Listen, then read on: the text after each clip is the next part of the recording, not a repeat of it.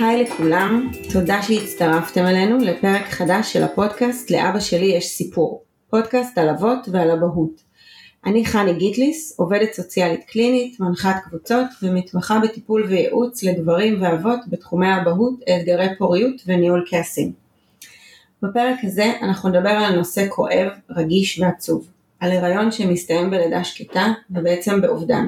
זה נושא קרוב לליבי, שאני עוסקת בו רבות בעבודה הטיפולית שלי. מאחר ואני בעצמי חוויתי מספר אובדני הריון כואבים בשלבים מוקדמים יותר של ההריון, זיהיתי שאין מענים מספקים בתחום הזה עבור הגברים, עבור האבות, ובשנים האחרונות אני מנחה קבוצות תמיכה ייחודיות לגברים אחרי לידה שקטה, ועוסקת בתחום הזה גם בטיפול פרטני בקליניקה, בהרצאות והעלאת מודעות בדרכים שונות, גם בין היתר כאן בפודקאסט, שבו בחרתי לייחד שני פרקים לנושא.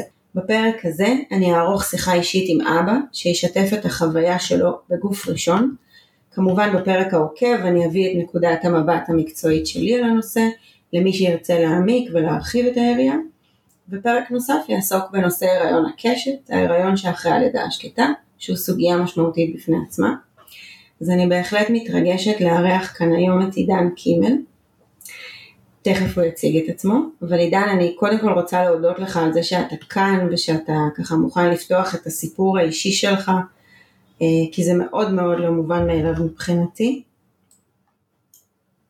תודה, בשמחה, אני שמח לשתף, ותודה על היוזמה שלך בתחום בכלל. אה, זה באמת נושא מאוד חשוב ואני אשמח אה, לדבר עליו. תודה. אז בוא, בוא קודם תספר קצת ככה על עצמך, ובאמת אה, מה מביא אותך לפרק הזה, לנושא הזה. אה, אה, אז אני עידן, אני נשוי לאווה, יש לי שתי בנות, לימור הגדולה בת שש ויעל בת שנה ושלוש, ובין שתיהן בעצם הייתה לנו חוויה של לידה שקטה. אה, אנחנו כרגע ברילוקיישן באנגליה, לא יודע אם זה רלוונטי, אשתי עושה פוסט דוקטורט ואני אה, בגדול מפתח משחקים, אבל שגם עובד בתור מפתח תוכנה, עובד בעיקר מהבית. אה, אני אבא רגיל לכל דבר, לא איזה משהו מיוחד. טוב, אז בעצם נחזור ככה לסיפור של הלידה השקטה שהיה לפני. זה היה זה קרה בדצמבר, בחנוכה, אני זוכר את זה מאוד טוב. אה, אז כן, זה היה, אה, אז הלידה השקטה קרתה ב-2019, בדצמבר. זה היה הנר ראשון של חנוכה. אמ, לימור כבר נולדה, אה, כבר הייתה בת שנתיים וחצי בעצם בזמן הלידה השקטה. מילה על ההיריון והלידה של לימור, ממש בכמה משפטים.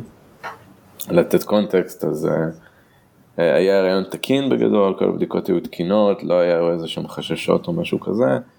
Uh, עשינו את כל מה שעושים, כולל מי שפיר, כל הבדיקות האלה, הכל יצא תקין, הכל לפי ההמלצות. הלידה עצמה הייתה עם זירוז, ו...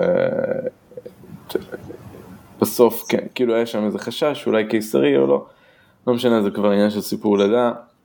בסופו של דבר הייתה לידה טבעית, ונולדה לנו ילדה נהדרת, ונהנינו לגדל אותה, ולקראת ההיריון הבא מאוד ציפינו אה, לחוות אה, הריון נוסף. אולי כדאי להגיד את זה שדווקא בתחילת ההיריון הייתה לאווה איזושהי הרגשה רעה. היא בדיוק הייתה חולה כשגילינו שהיא בהיריון, ו... אז הוא התחיל טיפה בחרדות דווקא מהצד של אווה, של רגע, אבל אני חולה, אולי זה... אבל מן הסתם, שוב, זה, זה הריון, כי אנחנו מכירים את זה גם מהריון של לימור, כל הזמן יש חרדות, כל הזמן יש פחדים ו, ולחץ לפני בדיקות ו, וחששות וכולי. אמ, אני מניח שזה מדבר לכל אחד ש, שעבר הריון. אה, ואז אז, כאילו ההיריון פשוט התקדם, הבדיקות הראשוניות היו בסדר גמור, עברנו סקירה מוקדמת, הכל היה תקין, אה, אולטרסאונד וכולי, סיפרנו ללימור, התחלנו להתרגש, ואני חושב שנקודת המפנה הראשונה הייתה אה, בסקירה המאוחרת. לא זוכר בדיוק את השבוע, זה לא כזה חשוב, אמ, אבל בצורה אולי קצת אירונית, יצא שכאילו הסידור שלנו ללימור רגע לפני הבדיקה, הוא התבטל בשנייה האחרונה, צריכים לבוא איתה לבדיקה, אבל שוב, לא היה, הרגשה גם בהריון של לימור וגם בהריון עד כה שהיה עם הלידה השקטה, הייתה שכאילו, זה ברור שחושבים על כל מיני דברים שיכולים להשתבש, אבל זה כנראה, זה כלום, זה סתם מחשבות והכל בסדר. איזושהי תמימות כזאת שלא באמת יכול לקרות משהו שישתבש, כאילו זה, זה מה שהרגשתי לכל אורך ההיריון של לימור, והיה לי ברור, לפעמים מרגישים את זה גם בחיים, כן, כשאתה מתחיל לדאוג, מישהו לא עונה לך בטלפון או משהו, זה ברור לך שזה לא באמת. הפעם בסיטואציה הזאת, אז זה לצערנו כן, אה, זה התממש באיזשהו מובן החששות. אה, אז מה שקרה בסקירה המוקדמת זה שעל תחילת הסקירה, היה, ראו שיש מיעוט מי שפיר, שזה משהו מטריד, אה, שיכול להצביע על אה, מומים, אז ישר אמרה לנו את זה, הסוכרת, והפנים שלה היו אה, קודרות, בוא נגיד, זה היה די טראומטי, ומשם התחילה הסחרחרה, עכשיו לימור עוד שם, כן, זה בכלל לא סיטואציה אידיאלית. שאר הסקירה הייתה תקינה, זאת אומרת היא לא מצאה משהו לא בסדר. אבל בגלל שהיה מיעוט מי שפיר אז היא מאוד הלחיצה אותנו, היא אמרה שזה, אם היינו, כאילו בשלב הזה של ההיריון זה יכול להיות מום, אבל אם הולכים כמה שבועות קדימה אז בדרך כלל כבר בטוחים שזה לא מום, וזה אולי איזה משהו, ענייני שליה וכל מיני כאלה שהם פחות מלחיצים, כי במקרה הגרוע עושים לידה מוקדמת יותר, אבל בדרך כלל אין, אין מום לעובר, ופה זה כאילו היה על הגבול. אה, ואז בגדול אה, התחילה מסכת של אה, ברורים. מי השפיר חזרו להיות תקינים ממש כמה ימים אחרי, אבל המשכנו את הבירורים. עוד דבר שהיא אמרה, כן היו מדדים קטנים של העובר, מה שנקרא IUGR, אבל יש ויכוח על מה זה בדיוק ההגדרה של IUGR, לא ניכנס עכשיו פה לעניינים רפואיים. אבל בגדול זה עובר שלא מתפתח בהתאם לציפייה. כן, אבל חשוב להגיד שזה לא היה ערכים חריגים מאוד, זאת אומרת זה לגמרי יכול להיות שהוא בר תקין, פשוט בגלל שיש ערכים קצת יותר נמוכים מהנורמה, אז זה מעלה חשש שאולי זה כן בגלל מום, אבל לכשעצמו זאת לא בעיה. זאת אומרת, הרבה פעמים יש איזושהי אי פרופורציה ביחסים או משהו כזה, הראש גדול מדי, הראש קטן מדי, שזה גם יכול להיות בסדר, אבל זה יותר, אה, ב-IUGR מדברים על מדדים קטנים. בקיצור, אז היה את העניין הזה, והתחלנו כאילו מסכת של בירורים, אז המי שפיר חזרו להיות תקינים, זה מאוד הרגיע אותנו. הלכנו לאיזשהו אה, ראש מחלקה מומחה בתחום הזה, והוא בגדול הרגיע אותנו דווקא, זאת אומרת שכאילו רוב הסיכויים שהכל בסדר, צריך להמשיך לעקוב ולראות, וכבר הרגשנו קצת כאילו עברנו את השלב הזה, זאת אומרת הייתה תקופה די ארוכה, זו תקופה, זה לא היה יום, זה היה תקופה של שבוע, שבועיים. אם לא יותר, שיש חששות. אה, החלטנו גם לעשות, אה, שפיר חזרו תקינים, זה נראה לי אפילו לפני הסקירה המאוחרת. ועשינו אפילו עוד בדיקה, בדיקת אקסום, בדרך כלל לא עושים אותה, והיא ממש בודקת אה, את הגנים של ה-DNA, והיא גם יצאה תקינה. זאת אומרת, היה פה המון בדיקות והמון מתח, אבל כביכול התוצאה הייתה נראית שהולכת לכיוון חיובי. ואז באיזושהי סקירה אחרונה שעשינו, אז דווקא הסוקר אמר שמבחינתו אין פה IUGR וזה נראה בסדר גמור, אבל שכדאי לנו לעשות MRI מוח לעובר. משהו שבכלל לא ידענו שאפשר לעשות, כן, זה שוב העניין הזה של התמימות, אבל פשוט MRI שמסתכלים על המוח של העובר, כי אם יש איזשהו מום, כדאי לבדוק את המוח. אותו סוקר אחר כך גם קיבל אה, הוקרת תודה מאוד גדולה מאיתנו, כי אם הוא לא היה אומר לנו את זה אז והיינו מניחים שהכל בסדר ולא היה מתגלה המום שהתגלה ו... ובאמת התגלה מום, אה, כאילו עשינו את ה-MRI שזה גם איזה עניין, צריך, העובר צריך לא לזוז, אז צריך לתת איזושהי, איזשהו, אה, זה לא בדיוק הרדמה, איזשהו טשטוש, זאת אומרת, אבל לקחה איזה תרופה כלשהי שעוזרת ל... להפחית תנועות, וגם ב-MRI איזשהו עניין שזה גם עובר קטן וזה גם דרך הבטן וכולי, אז רואים הכל הרבה פחות uh, טוב. אז בפענוח היה כתוב שיש איזשהו ממצא, אבל בקיצור, באנו באיזשהו נקודת הנחה שהממצא הזה כנראה אומר כלום, לא משנה עכשיו, איזשהו, יש איזה חלק במוח שנקרא ורמיס, שמסתבר שהוא מאוד חשוב, אה, והייתה שם איזה חריגה בגודל שלו, ואולי גם במבנה. והשלב הבא היה ללכת לאיזושהי ועדה מיוחדת של מומים במוח, שהייתה בבית חולים וולפסון, ו... ושם עושים גם אולטרסאונד, מנסים להבין אם רואים באולטרסאונד את הממצא. עם מומחה אולטרסאונד מוח, אה, ויש גם מומחית מוח שיכולה להסביר מה אומר הממצא, אם יש ממצא, וגינקולוגית, וזה ממש צוות כזה של אה, משימתי, רפואית, רעיון אה, מצוין אגב.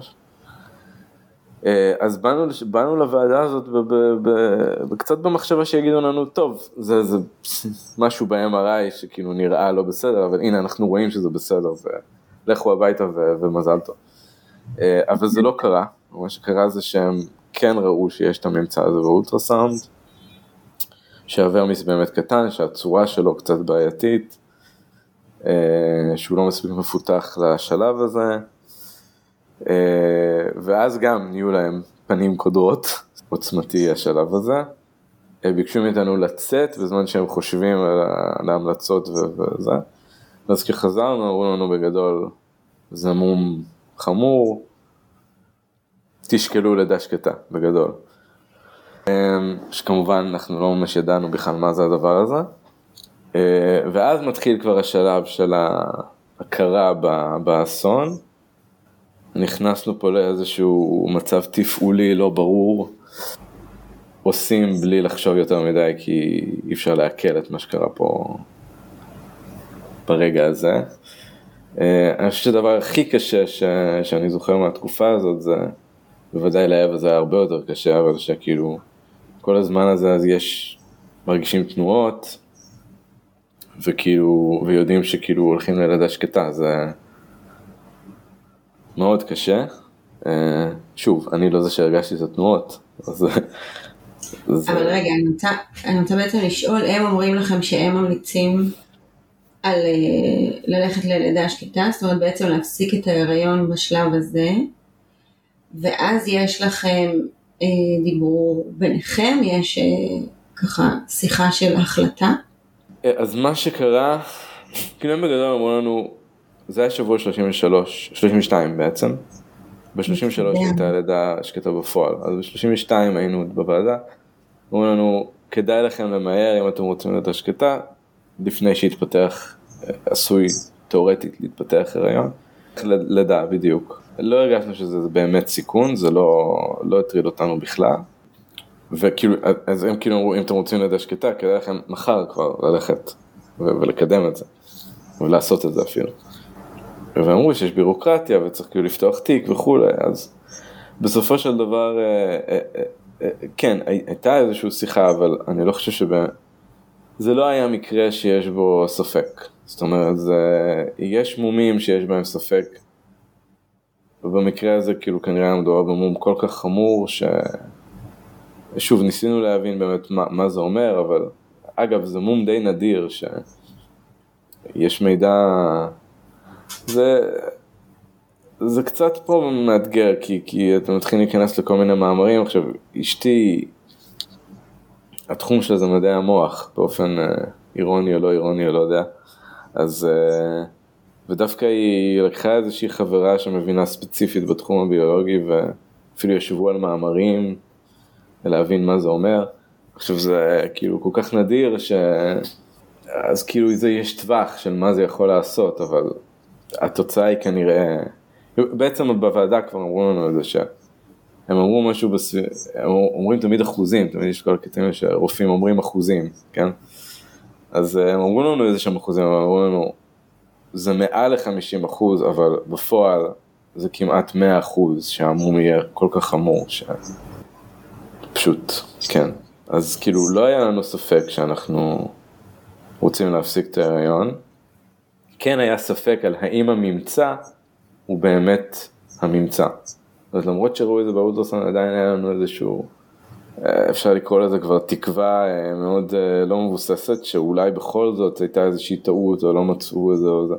ואז באמת עשינו עוד MRI, אז הייתה החלטה שבגלל שה-MRI לא היה מספיק ברור, אבל שוב ראו את זה אחרי זה באולטרסאונד, אז עשינו עוד MRI בבית חולים אחר, ששם הציוד יותר טוב, ומי שעושה את ה-MRI הוא עוד יותר מומחה בזה, ואז התוצאות יהיו עוד יותר ברורות. וזה השתחזר, ואז חזרנו לוועדה, הם ראו שזה השתחזר, הם ראו שהמום עדיין שם, הם ראו שאפילו בשבוע הזה זה לא, לא משתפר כמובן, למה שזה ישתפר, אבל אה, כן שאין איזה משהו, אז שחזרו שוב את הממצא גם באולטרסאונד ויום אחרי כבר הייתה ילדה שקטה.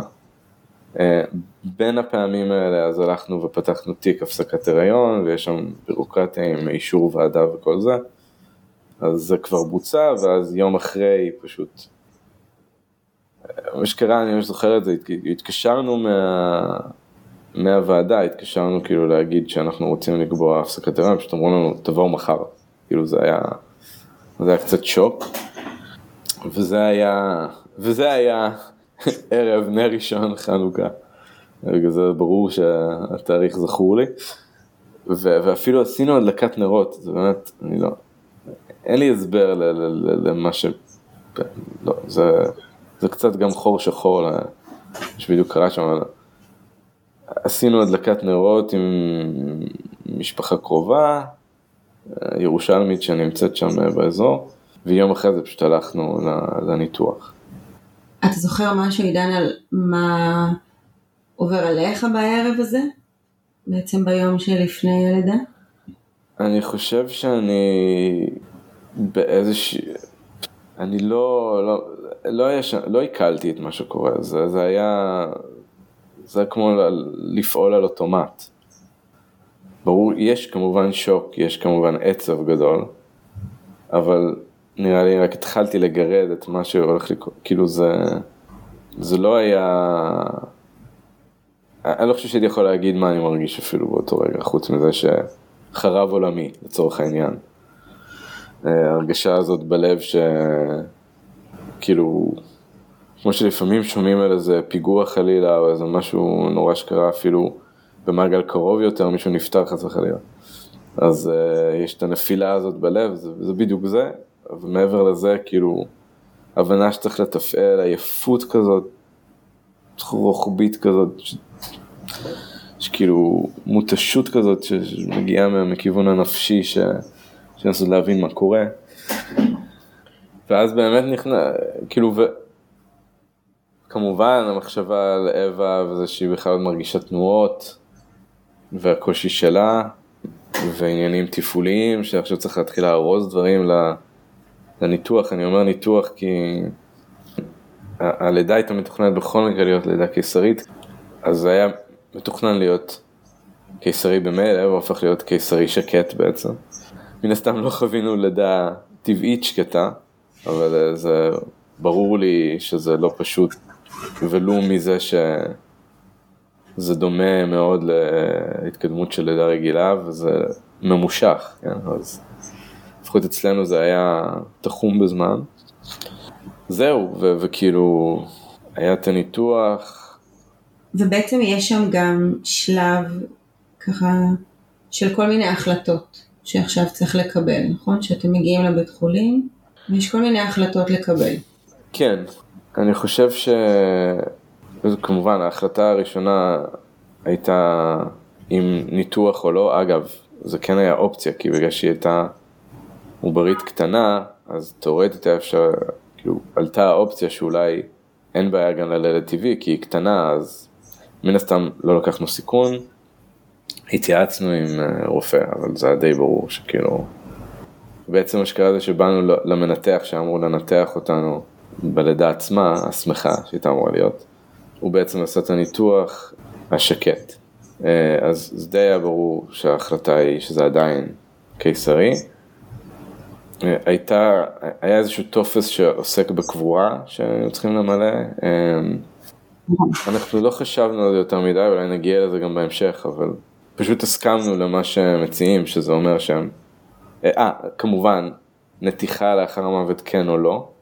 שם עניין שהוועדה בוולסון אמרו לנו שאם אנחנו רוצים תוצאות טובות בנתיחה, אז זה מאוד חשוב שנביא את זה למישהי מסוימת שעושה את הנתיחה, מישהו בגלל שהכל שם מאוד קטן, אז צריך לעשות חתך מאוד מדויק, אחרת לא רואים מספיק טוב את המוח, כן?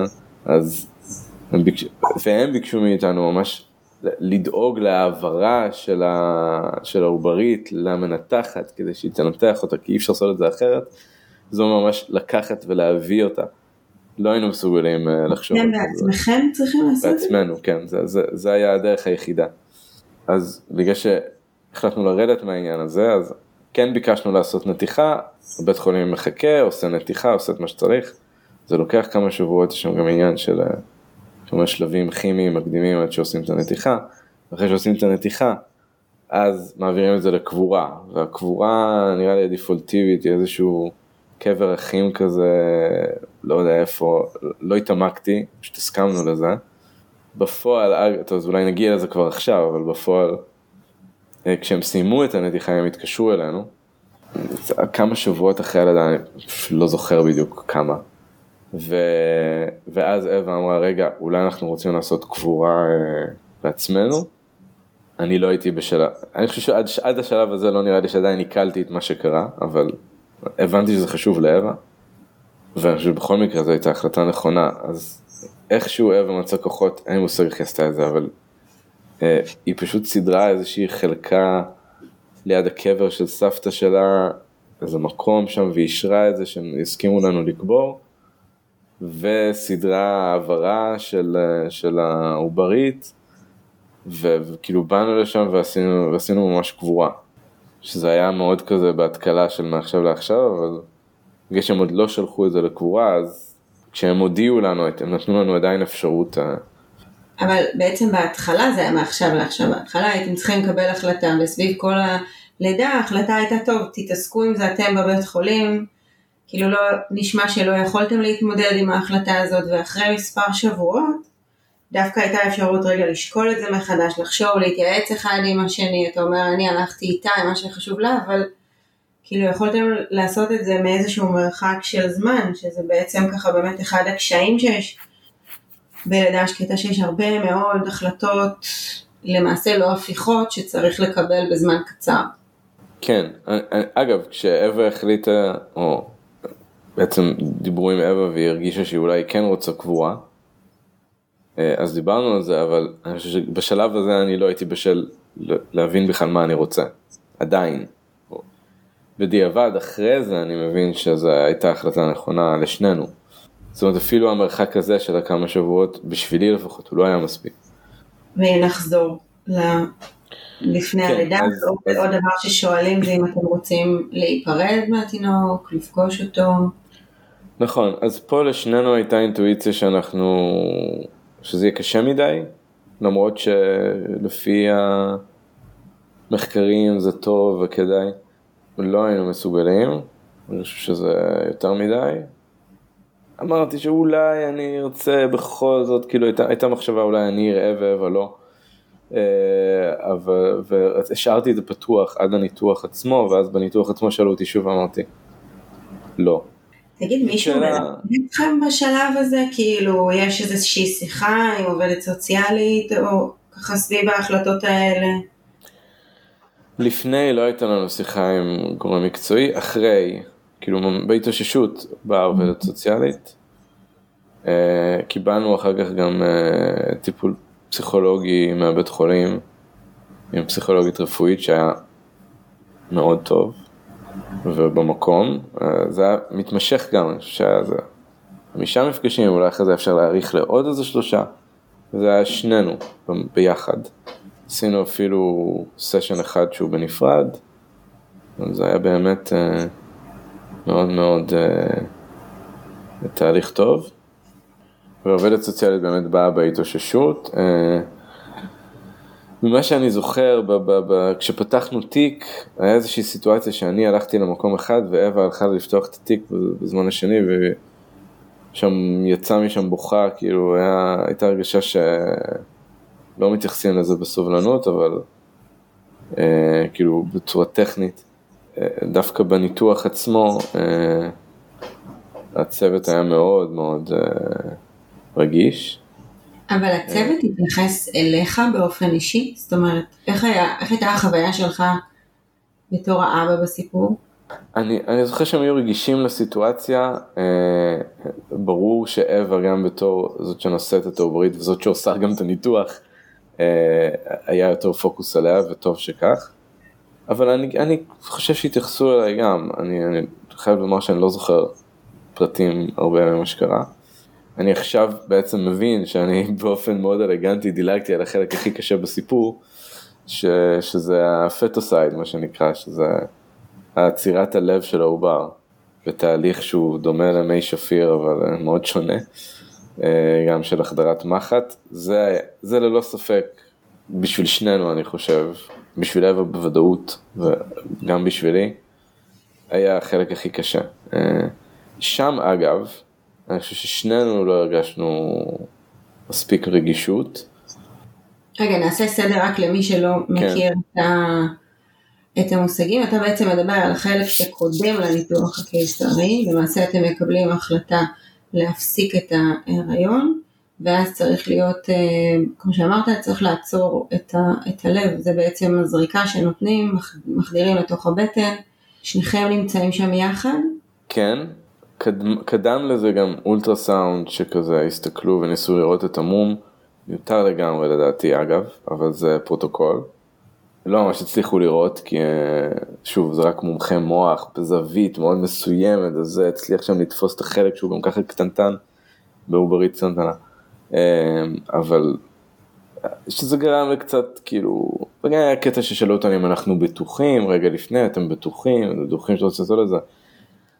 לא משהו ש... שזוג שכבר החליט שהוא רוצה צריך לשמוע, כן, זה ברור שפה, ה... ושוב, המקרה שלנו עוד מקרה שאין בו ספק בעצם, באמת, לא באמת היה ספק, רק חושב על מישהו שאולי כן יש לו קצת ספק, והוא מתחיל לשאול אותו, אתה בטוח, אתה בטוח, רגע לפני ככה, אז uh, בהחלט שיש פה קושי. פה אני כאילו, וגם uh, אני חושב שאפילו אמרו לי להחזיק ולעזור, אה, להחזיק את הבטן של עבר באיזה זווית, היה איזה משהו כזה לדעתי, אני, שוב זה הכל שחור, אבל שם באמת אה, הרגשה הייתה קצת מכנית, אני פחות הרגשתי רגישות לסיטואציה, אני חושב שגם גם ההליך עצמו הוא לקח זמן, זה לא היה מיידי, זה לא היה כזה דקירה, זהו נגמר. איזשהו, איזשהו חיפוש של, של איך לעשות את זה. כאילו לעשות את זה מדויק, ואתה מתחיל לחשוב, כאילו, הרגשה כזאת שכאילו מנסים לצוד את העוברית, זה, זה, זה קשוח, זה קשוח מאוד. אווה שם בכתה, כאילו, לאורך הכל הזה, אני בעיקר ניסיתי להכיל פה את, את הקושי של אווה ואת הסיטואציה כולה. ובאמת אחרי זה פשוט עלינו לניתוח, די, די מיד. זה עזר שהתהליך עם כל השלבים וכולי, בסופו של דבר זה כל הסיפור היה כמה שעות, כאילו זה לא היה איזה משהו אה, שנמשך להמון זמן. אז כן, אז, אז נחזור לעניין האם לראות את התינוקת או לא, אז כן אמרו לנו שהם מצלמים אותה ושהם שומרים את התמונות ואם נרצה לראות אותם בעתיד אז נוכל, אז זה גם קצת הרגיע, קצת הוריד לחץ מההחלטה, כאילו זה. גם אם נחליט עכשיו לא לראות, ברור שזה לא אותו דבר לראות בלייב, להחזיק אבל, אה, אבל לפחות ידענו שכאילו, זה מאוד עזר. וזהו, פה, פה נגמרות ההחלטות ומתחילה ההתמודדות בעצם, או ממשיכה ההתמודדות, שהיא, קודם כל, מבחינת אווה זה קודם כל התאוששות מקיסרי לכל דבר, כן, זה פיזית. ואיפה אתה במהלך הניתוח? אני הייתי איתה בניתוח, הייתי פשוט, חוץ מהרדמה נראה לי שאני נראה לי בסוף הכניסו אותי גם, גם להרדמה. היא הייתה בהרדמה מלאה? לא, זה היה, זה היה אפידורל. אפידורלי כמו קיסרי. כן, משהו כמו קיסרי. כן, פשוט, כן, זה, זה פשוט היה ניתוח, כן, כל הזמן אומרים שחסר הבכי של התינוק, אז כן, חסר, חסר, אה, חסר התינוק, בגדול, חי. כן, אז שוב אמרתי, הצוות היה רגיש, המנתח היה מאוד רגיש, הוא אפילו אמר איזה משפט שזכרנו, שהרחם מחכה לתיקון, שבאמת הגיע שנתיים אחרי. ומה מה בעצם קורה לך אחר כך, אחרי הלידה, אחרי שסיימתם שם? מאוד הייתי רוצה לשמוע על החוויה שלך הספציפית, מה עובר אליך אחרי. פה יש כאילו שני צירים מקבילים. ציר אחד זה, זה הציר התומך, של לתמוך באווה, שאני יכול להגיד שבשלב הזה הוא תופס את הרוב, כי הציר השני, שהוא התמודדות שלי עצמי, הוא לא ממש קיים, כי אני חושב שאני עוד לא עיכלתי מה קרה בעצם. ולא יום יומיים, כי אני חושב שזה ברמה של חודשים אפילו. עד שבכלל התחלתי להבין, שוב, יש את, ה, יש את הזפטה שאתה חוטף, והלב הזה שצונח, מה שאמרתי, ואז יש הרגשה נוראית כזאת של אבל, אבל זה מאוד כהה יחסית. אין, אין חדות, אני לא, לא בדיוק מבין מה אני מרגיש, ואני בעיקר לא מתעסק בזה עכשיו. גם ככה אה, איזושהי נטייה שיש להכחיש את הדברים הקשים, אז אה, כן, הרבה אנשים שקורה להם משהו קשה, אז הם מתרכזים בעבודה או משהו כזה, אז מבחינתי האפשרות להסיט את הפוקוס, שגם ככה נדרשת אה, על מה עובר על אווה, זה, זה, זה פשוט תפס את, ה, את הימים הראשונים בוודאות. וכמובן, קודם כל להודיע לאנשים שזה קרה. כן? אתה מודיע. לא, לא אני הודעתי לכולם, ממש לא, אני, אני לא זוכר בדיוק, אבל מן הסתם שנינו הודענו לאנשים. אמ, כן, מי שרצה לבקר אז התקשר אליי כמובן, והיו כמה ביקורים. אה, שוב, היה, אני חושב שזה היה יום או יומיים, יומיים של התאוששות וכבר חזרנו הביתה. אה, חזרתי להיות עם לימור בערב לילה, להביא אותה לגן יום אחרי. סיפרתי לגננת, ואז באיזשהו שלב חוזרים הביתה וחברים מתחילים לבקר, זה, זה קצת כמו שבעה. חברים מתחילים לבקר ו... ומספרים את הסיפור ועוד פעם ועוד פעם. וזה עזר, זה מאוד עזר. אנשים שלחו מתנות, שוקולדים, עניינים, כאילו, זה עוזר. אם, אם, אם מישהו, שמעתי הרבה אנשים שכזה אומרים שהם לא יודעים מה לעשות אם מישהו עבר כזה דבר, אז כל מה שתעשו יהיה טוב, כל, כל התייחסות לעניין הזה היא טובה, אפילו, כי באמת אפילו אנשים שלחו לנו, לא יודע, ארוחת בוקר או משהו שזה, כאילו אפשר להגיד, רגע, אבל אם שולחים להם אוכל, אולי הם בכלל הם באבל, זה לא מתאים, זה, זה כאילו הלידה הייתה בסדר, זה עוזר, זה פשוט עוזר. זה עוזר שיש תשומת לב ומתייחסים לזה. שחושבים עליכם. כן, כי אני חושב שבכל הסיפור הזה של לידה שקטה יש, והיו לי גם מקרים, היו לי מקרים שכאילו, היו לי אנשים שהודעתי להם וזהו, לא קרה כלום, לא דיברו איתי על זה מעולם. אה, כאילו אמרו באותו רגע, כן, מצטערים לשמוע וזה וזהו, עכשיו אני, אני חלילה לא מאשים אותם בשום דבר, אה, בוודאי לא, לא ביקורתי לזה, אבל אה, זה משהו שקשה לאנשים ללעוס לפעמים. זה, אגב, אני מרגיש שזה גם אם חלילה למישהו נפטר, הורה או חלילה, ואני צריך להביע תמיכה, אני גם לא, לא מוצא את עצמי כל כך בקלות, ממש לא. אז כן ברור לי שצריך להתייחס לזה. אני חושב שגם לידה שקטה היא לא משהו אפור, אבל הוא כן בתרבות כן עדיין בתחום האפור, שאנשים לא בדיוק יודעים איך להתייחס לזה, זה אבל, זה לא אבל, זה... כן. אז... כי, כי אין פה את, אה, כאילו, אין מנהגי אבלות אה, המוכרים של הלוויה, של שיבה, של אזכרה, שיודעים נכון. ככה איך להתייחס, אפילו אתה, נכון, בתור אה, אבא, לא מקבל לא חופשת לידה כמו שאישה מקבלת, וגם לא חופשה לאבל. כאילו לא נכון, אבל אבן כן קיבלה חופשת לידה, יש לומר. היא כן. חשוב, זה, זה מאוד עזר. יש בזה גם קושי, כן? כי קודם כל הגוף צריך זה, בכל מקרה. אה, בוודאי בשבועות הראשונים להתאושש. ההתאוששות גם ממשיכה, כן, זה לא נגמר, הפיזית.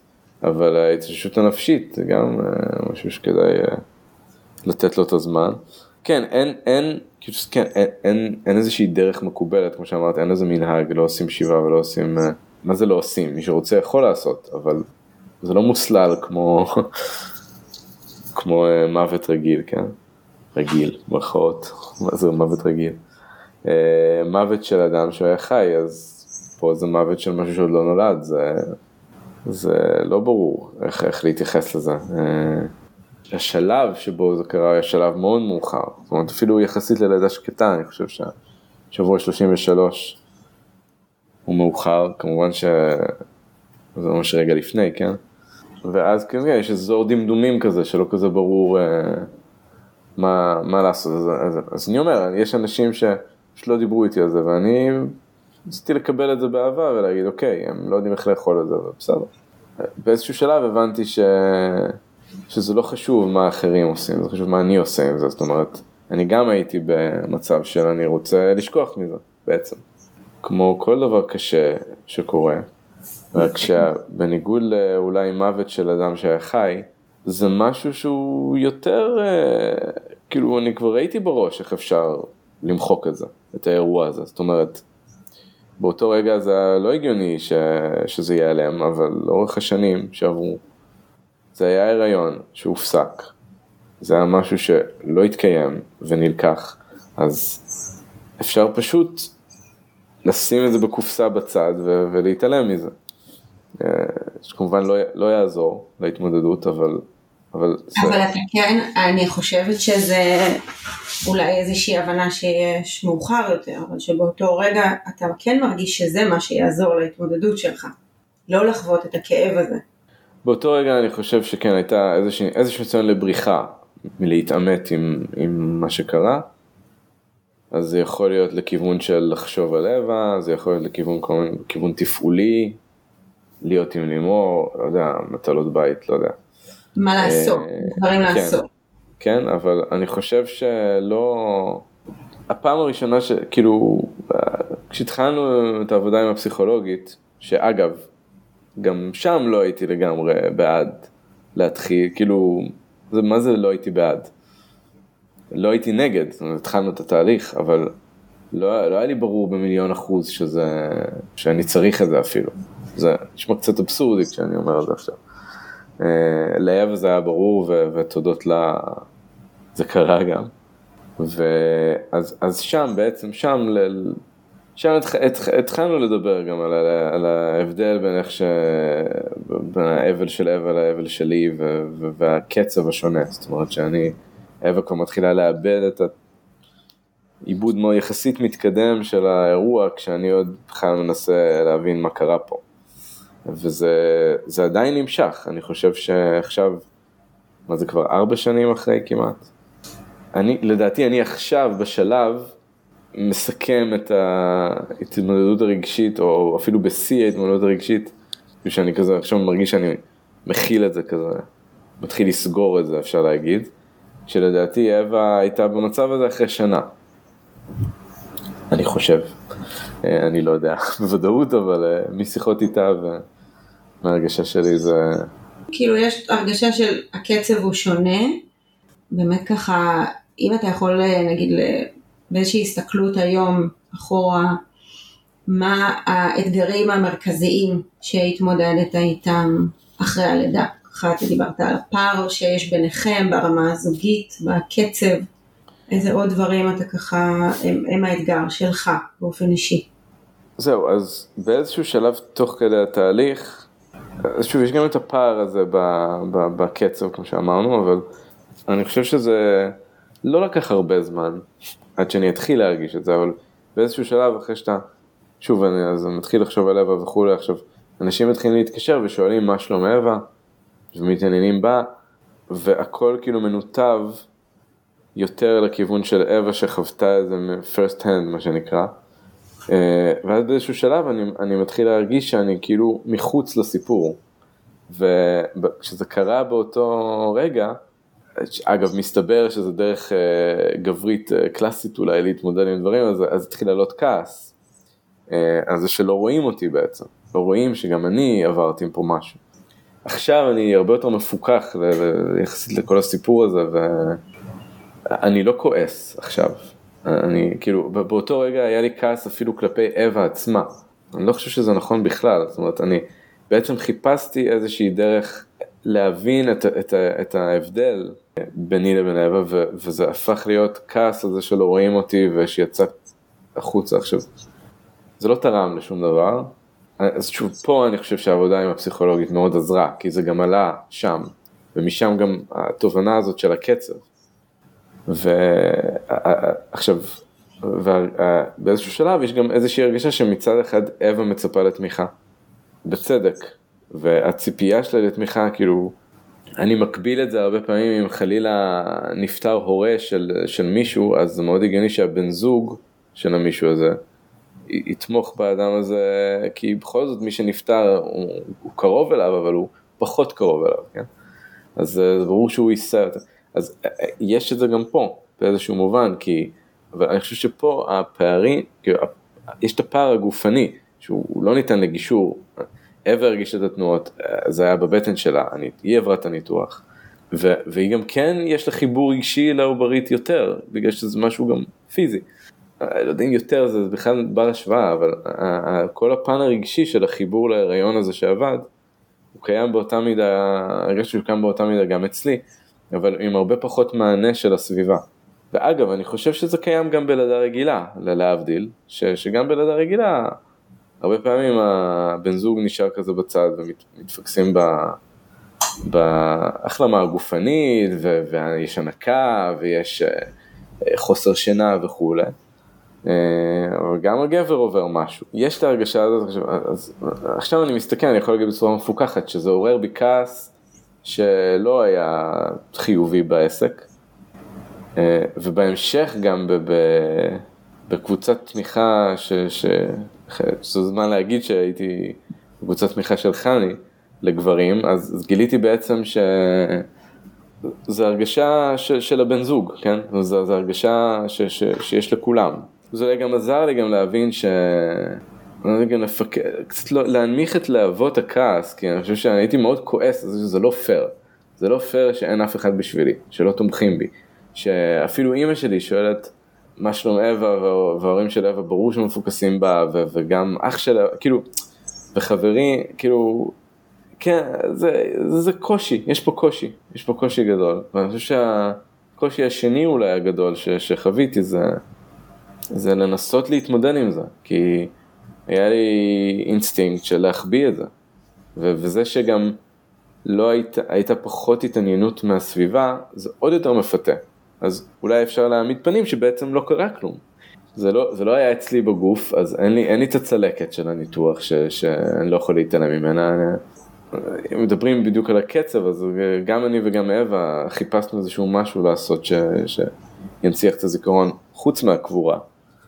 אה, ואווה עשתה איזושהי יצירת אומנות, איזשהו ציור אה, אה, שמעביר שם את התחושות שלה, ובשלב הזה, אגב זה היה, זה היה די, די, כאילו, שוב זה היה עדיין, ב, אני זוכר שדיברנו על זה עם הפסיכולוגית, זה היה בשבועות שאחרי, אז עלתה המחשבה לעשות איזה משהו שירגיש כמו טיפול, ואווה לקחה את זה ל, ליצירת אומנות, ואני, אז בגלל שאני מפתח משחקים, אז אני לקחתי, לקחתי את זה לכיוון של לעשות איזשהו משחק שינסה להעביר את החוויה אה, הרגשית של לידה שקטה.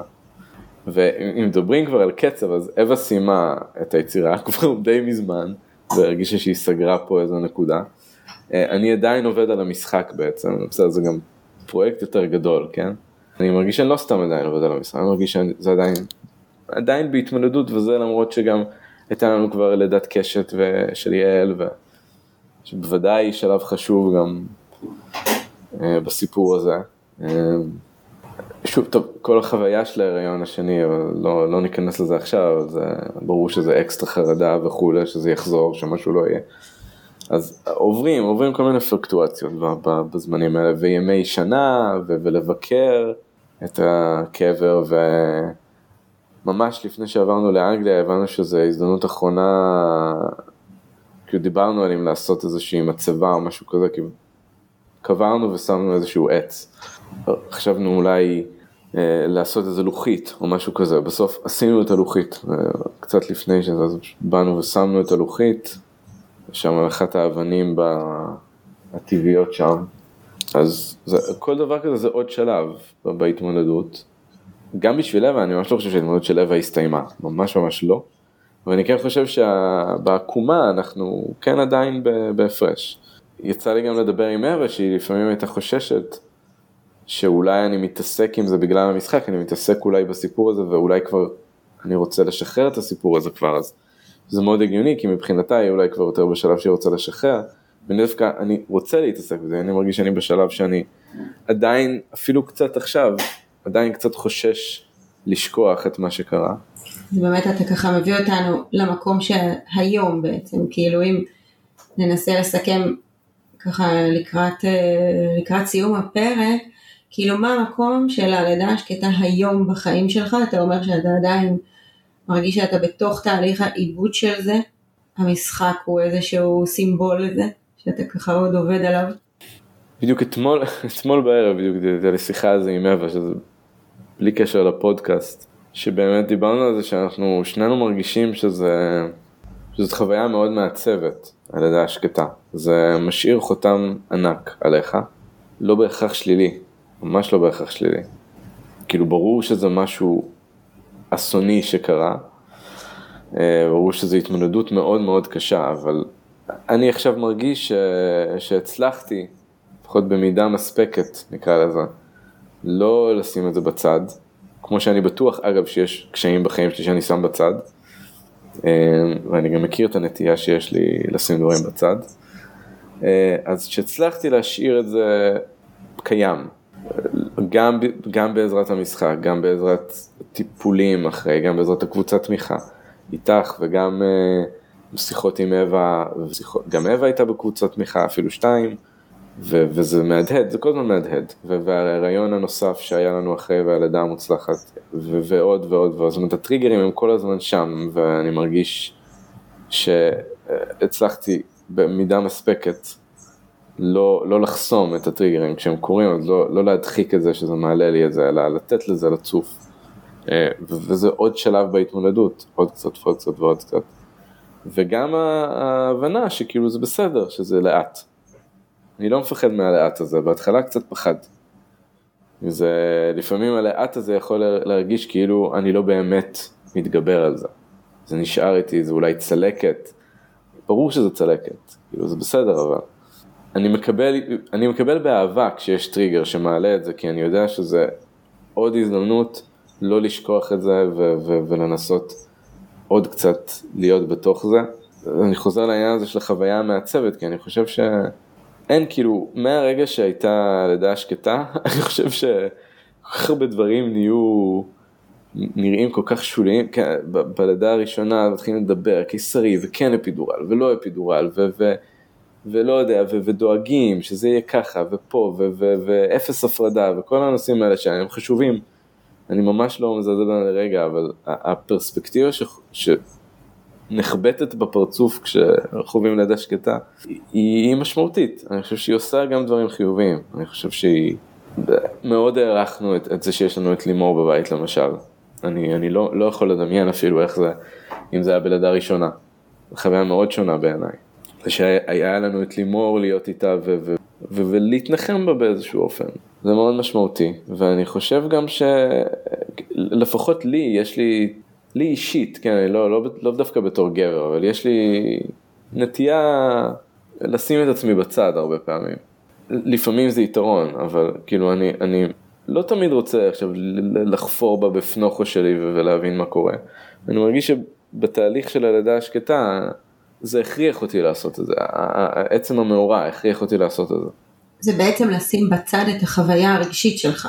לשים בצד את הרגשות שלי, כן, לשים בצד את מה שאני מרגיש, כן, מכל מיני סיבות, מזה שזה קשה לי מדי, מזה שאני מרגיש שאני עכשיו צריך לעשות משהו אחר, או להיות מפוקס במשהו אחר, או במישהו אחר, אז, אז אני שם בצד את עצמי, או, או לא משנה, אני אסתדר אחרי זה, כאילו.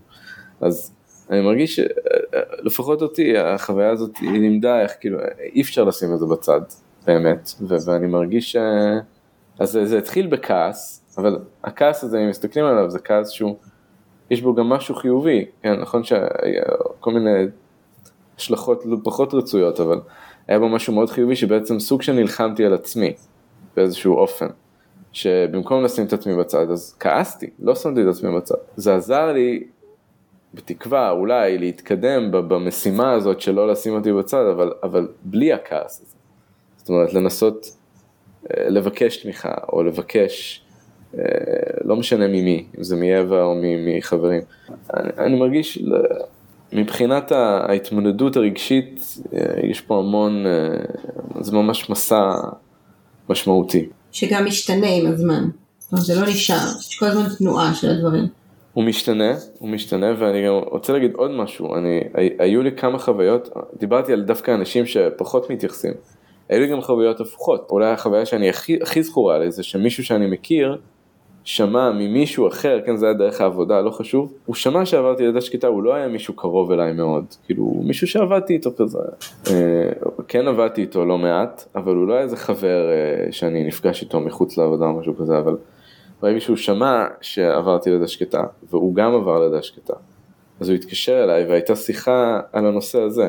שם באמת הרגשתי, זה מאוד חשוב, כאילו, זה גם תרם ל, ל, לרעיון של המשחק, כי הרעיון של המשחק הוא גם קצת להוציא את הנושא הזה החוצה, שהנושא הזה, לידה שקטה, אפילו כשאישה עוברת אותה, אז היא מקבלת פחות יחס למה שהגיוני שהיא תקבל, כי זה כזה, לא תמיד כיף לדבר על זה ונעים.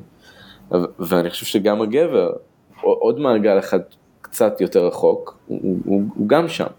והנה השיחה הזאת היא כל כך עזרה לי, אפילו הכמה דקות האלה, כי זה היה מישהו שמבין אותי. ובוודאי אחר כך בקבוצת תמיכה לשמוע אבות עם סיפור כזה. זה, זה קצת עזר לי גם להבין אולי את, ה, את העוצמה ב, בלקבל עזרה.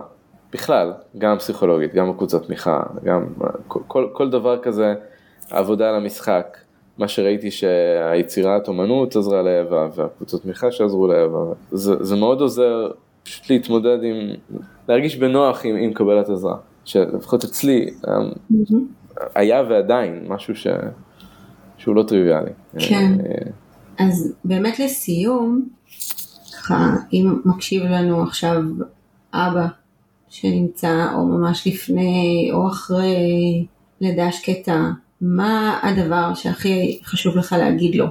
שאתה יכול לתת לו ככה מהניסיון שלך, לזקק לו את זה לאיזה משפט או שניים שהוא יוכל לקחת איתו לדרך. אולי הדבר הראשון שעולה לי זה באמת לא לשכוח מזה, לא, לא לשים את זה בצד. אה, להבין שקרה פה משהו משמעותי והוא לא פשוט, ולהבין באותה מידה שזה קרה גם לבת הזוג, ו... ושאתם שניכם בתוך זה, ולפחות, טוב, זה ממש כאילו, מהחוויה שלי, זה לא מאבק, זה לא מאבק על, אה, על מי חווה מה, זה, זה שיתוף, זה, זה משהו שהוא אפילו מאחד, פשוט להבין שאתם שניכם בעניין הזה ביחד, וכל תמיכה הדדית שתהיה פה, היא תהיה לטובה. אני הייתי רוצה להרחיב את מה שאתה אומר גם לנשים שמקשיבות, כי אני חושבת שזה דווקא, זה באמת אחד המסרים שאני מאוד מאוד מנסה להעביר, שכמו שאתה אומר, זה לא, הכאב של אחד לא בא על חשבון הכאב של השני, ודווקא יש משהו בהרחבה וביכולת להיות אחד עם השני שגם מקל בסופו של דבר, הביחד הזה. כן, אני, אגב, אני הרגשתי את הביחד מאוד מאוד חזק מהרגע שבכלל התגלתה בעיה בהיריון, זאת אומרת, אני חושב שזה גם, ההיריון עצמו הוא כבר ביחד, כי יש החלטות שעושים ביחד ונמצאים ביחד בבדיקות ומקבלים ביחד את החדשות המרות. אחרי הלידה יכול להיות הפיצול הזה. Mm-hmm. אחרי הלידה בעצם פה יש התאוששות פיזית, פה אין, פה יש אה, אולי יחס שונה לסביבה בין בני הזוג, אז אני אומר להמשיך את זה, זה, זה ממשיך, זה, זה עדיין שם, כאילו אני מרגיש שגם גם עכשיו אני, אני עדיין בשותפות הזאת עם אווה, עם הדבר הזה שקרה, ומצד שני אני לגמרי יכול לראות איך משהו כזה יכול לנתק ולהרחיק, וזה נראה לי משהו שצריך לקחת אותו בחשבון, כי הוא לא צריך לקרות, אני חושב ש... לי היה מאוד ברור, אני הרגשתי את הכעס הזה ושהוא מופנה לאווה אה, גם, בין היתר, ושלפעמים יש הרגשות ברגעים קשים יותר של שאווה לוקחת לי את התמיכה, גונבת לי את התמיכה אפילו אפשר להגיד, זה ברור לי שזה לא נכון, אני לא מבקש אותה. ויש את העניין התרבותי שהוא בתקווה ישתנה לאט לאט. ואמרת ומאוד חשוב שעצם השיח על זה והעבודה שעשיתם עם, עם ההבנה שיש פה איזשהו פיצול ויש פה פער וגם יש פה כעס, זה בעצם אפשר להתקרב מחדש. אז עידן, אנחנו ככה נסיים. רוצה להגיד לך המון המון תודה שככה התארחת כאן. אני באמת חושבת שהחשיפה האישית הזאת היא מאפשרת את הלגיטימציה ואת הרשות גם לאבות אחרים לפתוח, לשתף, לדבר על זה גם עם בת הזוג שלהם או בן הזוג שלהם, לפעמים זאת הסיטואציה, וגם עם אנשים אחרים, ובטח ככה נתת את המשמעות של לדבר עם אנשים ש... שעברו את אותו דבר, חוויות קרובות, זה גם ככה מאוד משמעותי. אז תודה. בשמחה, ותודה רבה לך, אה, לא רק על השיחה הזאת, שהיא אגב גם עוזרת לי, כמובן, כמו כל שיחה על הנושא הזה, אה, אבל גם על כל העיסוק שלך בתחום המאוד חשוב הזה. באמת אה, כל הכבוד.